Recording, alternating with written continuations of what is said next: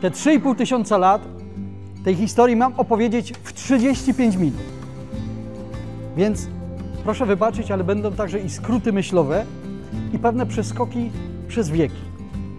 Cała historia na nowo ożyła w umysłach ludzi, kiedy w 1947 roku dwójka młodych ludzi zupełnie przypadkowo w Kibet Qumran nad Morzem Martwym, w takich dzbanach, jak tutaj widzicie, znalazła zwoje zapisane na skórach zwierzęcych. Te skóry zostały zapisane takimi dziwnymi literkami, takimi robaczkami, których oni wtedy nie potrafili odczytać. Jak to chłopaki? Wydobili z tego dzbana osiem takich zwojów i zanieśli to na pchli targ i sprzedali za parę dolarów, bo chcieli to tak naprawdę przerobić na sznurówki.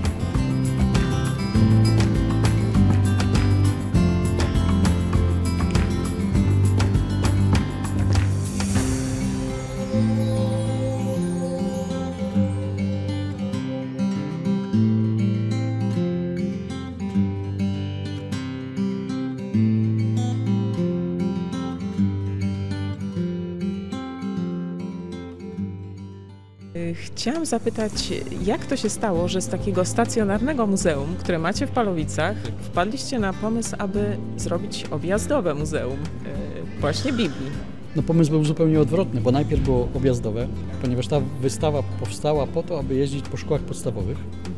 Chodziło o to, żeby dzieciakom pokazać, że jednak ta panorama myśli i sposób, w jaki były przekazywane te poszczególne księgi z pokolenia na pokolenie stworzyły taki księgozbiór, który my dzisiaj nazywamy Biblią, no jest potrzebna, bo oni mają raczej nikłą wiedzę na ten temat. I to był pierwszy pomysł. Yy, Drugi pomysł to był, kiedy powstała druga taka wystawa i zaczęła jeździć po bibliotekach. Potem powstała największa wystawa, czyli dwa razy większa niż ta, i zaczęła jeździć po muzeach, czyli w takich miejscach, gdzie można to przez miesiąc, dwa miesiące po prostu odwiedzić i kilkukrotnie przyjść i zapoznać się z jakimś tematem. To jest chyba najlepiej opisana wystawa w Polsce, jeżeli chodzi o tematykę biblijną i, i sposób przekazywania tego z pokolenia na pokolenie. No i druga rzecz wyjątkowa, która skupia uwagę uczni i studentów, to jest to, że mogą to wziąć do ręki. Tak. Że mogą dotknąć papirusu, pergaminu, że mogą zobaczyć te materiały piśmiennicze, że tak naprawdę mogą usłyszeć, jak się czyta w języku hebrajskim, jak się czyta w języku greckim. Mogą zobaczyć, jaka jest różnica między przekładami, które mają 100 lat, powiedzmy, różnicy czasowej między sobą. Jak po polsku się czytało Biblię Królowej Zofii, Biblię Leopolity, Biblię Brzeską, Biblię Jakuba Wójka, no i współcześnione przekłady. Więc on się przeraził. Ten mu mówi, żeby się nie bał i mówi, że jest błogosławiony i że jego żona pocznie i porodzi syna, a ten będzie wielki przed Panem i zwróci serca ojców ku synom, a synów ku ojcom. I co on cytuje? Księgę Malachiasza. Po 400 latach Stary i Nowy Testament się łączą w jedną całość. I tak brzmi początek narodzin Jana Chrzciciela. Oczywiście Zachariasz nie wierzy. I to też jest ciekawe. Kapłan w świątyni nie wierzy Bogu, który posłał mu anioła, nie? Bardzo ciekawe. No i żeby miał czas na przemyślenie, to anioł dał mu 9 miesięcy, żeby to przemyślał. Panie rozumieją, dlaczego faceci czasami potrzebują trochę czasu. I po 9 miesiącach pisze na tabliczce imię tego swojego syna Jan. I tak się naradza Jan Chrzciciel. Po tych wydarzeniach, 6 miesięcy później, ten sam anioł idzie do wioski, do zapyziałej wioski w Galilei, do młodej dziewczyny, do Maryi i mówi, błogosławionaś Ty między niewiastami, poczniesz i porodzisz syna. Ona mówi, błogosławiona, niech mi się stanie według słowa Twego. I patrzcie, jakie porównanie. Tu kapłan i świątynia, a tu młoda dziewczyna w Galilei. Kapłan nie wierzy, a ona wierzy Bogu na słowo. Widzicie różnicę? Bo Bóg obiecał, że zobaczymy. Nie to, czy Ty wierzysz w Boga, bo to tak naprawdę nie ma żadnego znaczenia, czy Ty wierzysz w Boga. Pytanie, czy Ty wierzysz Bogu. Jesteśmy na wystawie Biblii. Chciałam zapytać, y, dlaczego ta wystawa właśnie tutaj? To dobre pytanie, ale tak naprawdę to e, chyba trzeba spojrzeć na to w takim kontekście, że tak naprawdę ona nie straciła na swojej aktualności, mimo że minęło 3,5 tysiąca lat od tego pierwszego e, e, fragmentu, który się znalazł w Starym Testamencie. E, to dla mnie również zaskoczenie, ale e, chcieliśmy dać możliwość mieszkańcom, żeby zobaczyli, jak historia jednej księgi tak naprawdę, z którą połączone jest życie milionów ludzi, bo przecież przez te wszystkie lata część z nich umierało dla tej księgi, część poświęcało życie, choćby poprzez prześledzenie tego wszystkiego, poprzez zobaczenie, jak ci ludzie, ile wkładali serca, czasu i życia, praktycznie całe życie, żeby przetłumaczyć kolejne fragmenty, no robi wrażenie. Do tej pory, przynajmniej ja nie miałem takiej okazji, ale pewnie też z wielu z Państwa, którzy przyjdą tutaj na tą wystawę, bo tu można przychodzić kilka, ki, kilkukrotnie. Poza tym ujęło mnie to, że tutaj można wszystkiego dotknąć, zobaczyć. Dla nas na przykład e, postać Marcina Lutra, kojarzy się oczywiście z reformacją, ale kto pamięta o tym, że on tłumacząc Biblię, musiał tak naprawdę stworzyć podstawy języka niemieckiego. E, egzemplarz Marcina Lutra, który jest zapisany drobnym maczkiem, który pokazuje teraz osobom zwiedzającym, wprawia ludzi w osłupienie, bo czytanie tego dla nas jest kompletnie abstrakcyjne.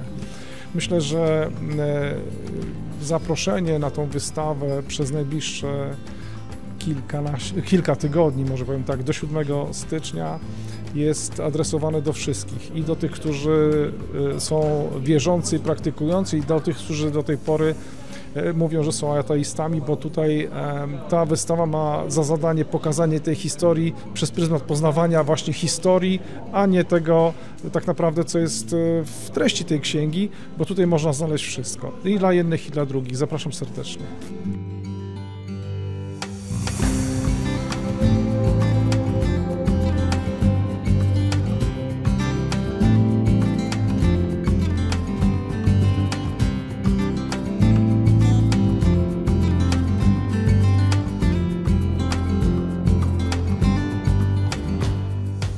Pani Grażyna Bryk, y, lokalny przedsiębiorca w branży hotelarskiej.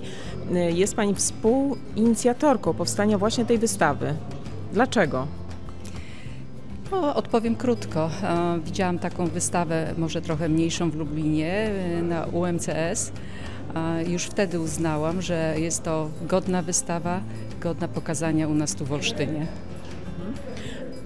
Tak tylko z ciekawości zapytam, no jest Pani zaangażowana w taką działalność y, właśnie gospodarczą, jest Pani przedsiębiorcą. Skąd zainteresowanie w ogóle Biblią? No, tutaj odpowiem też wprost i, i krótko.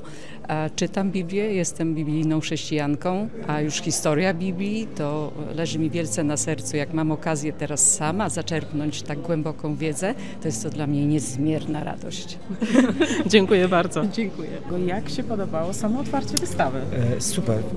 Dla mnie akurat, osoby, która zajmuje się akurat konserwacją, e, jest to e, no, dosyć ciekawe tak naprawdę styknięcie się właściwie nawet z takim dziedzictwem niematerialnym, nie? gdzieś tam z tego od słowa do, do słowa pisanego, e, no i tych różnych form, tak? Czyli form przekazu, jak to gdzieś tam ewoluuje gdzieś tam e, z czasem. Mhm. E, ciekawe doświadczenie. Na pewno polecam i... Bardzo dziękuję. Pierwsze wrażenia po tym, co Pani usłyszała o samej wystawie Biblii. Ogrom, ogrom dokumentów. Pierwsza, pierwsza tego typu wystawa w Olsztynie, ponieważ będzie czynna do 7 stycznia to pewnie jeszcze raz przyjdę, żeby ogarnąć no, te treści, te, te, te właśnie tą wiedzę zgromadzoną na wystawie. Y, warto przyjść na tą wystawę, bo to jest e, wystawa o Biblii. To jest, Biblia to jest księga mądrości natchniona i zawiera proroctwa, które się spełniają na naszych oczach. Jakie pierwsze wrażenia po otwarciu tej wystawy? No po raz pierwszy jestem w życiu na takiej wystawie i bardzo interesująca, podobało mi się. No czegoś nie widziałem podobnego. podobnego tak. A co było dla Pana takie intrygujące w tym, co Pan usłyszał? Przemówienie tego Pana. A. No super. No, Ekspert super. od Biblii. Kaznodzieja niesamowity i, i mądrość A. wielka. No. To bardzo dziękuję. Mi też się bardzo podobało. słuchał do rada tego. Że... Jak się Panu podobała wystawa? No, czuję pewien dosyć. Wszystko, wszystko, wszystko jest bardzo ciekawe. Oczywiście zamierzam jeszcze, jeszcze e, postudiować, tutaj, tutaj jest wystawione, no i planuję taką wystawę zorganizować w swoim mieście. A jest taka możliwość? Jeszcze tego do końca nie wiem, ale będę nad tym pracował. Myślę, że się uda z Bożą pomocą. Jak pierwsze wrażenia po tej wystawie? No super, no, tego się trochę spodziewałam, że tu zobaczę taką historię tego, mm, tej bi- bi- Biblii, chociaż, że aż tyle tych eksponatów i takich ciekawych rzeczy, no i tę opowieść tych, y, tego pana y, niesamowite, także bardzo mi się podobało. Jestem zadowolona, że tu przyszłam. Maciek Stadnicki, y, będziesz oprowadzał tutaj po tej wystawie przez następne dwa tygodnie. Czy warto przyjść? Tak, zdecydowanie warto przyjść. Jest to fascynująca, niezwykła wystawa. Można dotknąć historii tej e, księgi e, nad księgami, księgi ksiąg, e, księgi, która jest absolutną podstawą naszej cywilizacji i dla każdego chrześcijanina, ale też dla kogoś, kto niekoniecznie utożsamia się z chrześcijaństwem. Em, Jest to po prostu obowiązkowa lektura. To już jest 11 lat i jak pan y, oceniając właśnie nasze społeczeństwo, to widzi pan jakąś taką tendencję, że czy osoby starsze, czy młodsze są zainteresowane właśnie Biblią? Na pewno jest e, tendencja do tego, że ludzie chętniej pochylają się nad tekstem Pisma Świętego, żeby sami czytali i chcą sami zrozumieć. Oni mniej już chcą pytać kogoś, tylko sami by chcieli znać odpowiedzi. To jest dla mnie bardzo pozytywne, bo to jest główny cel tej wystawy, żeby ludzi zachęcić do czytania Pisma Świętego.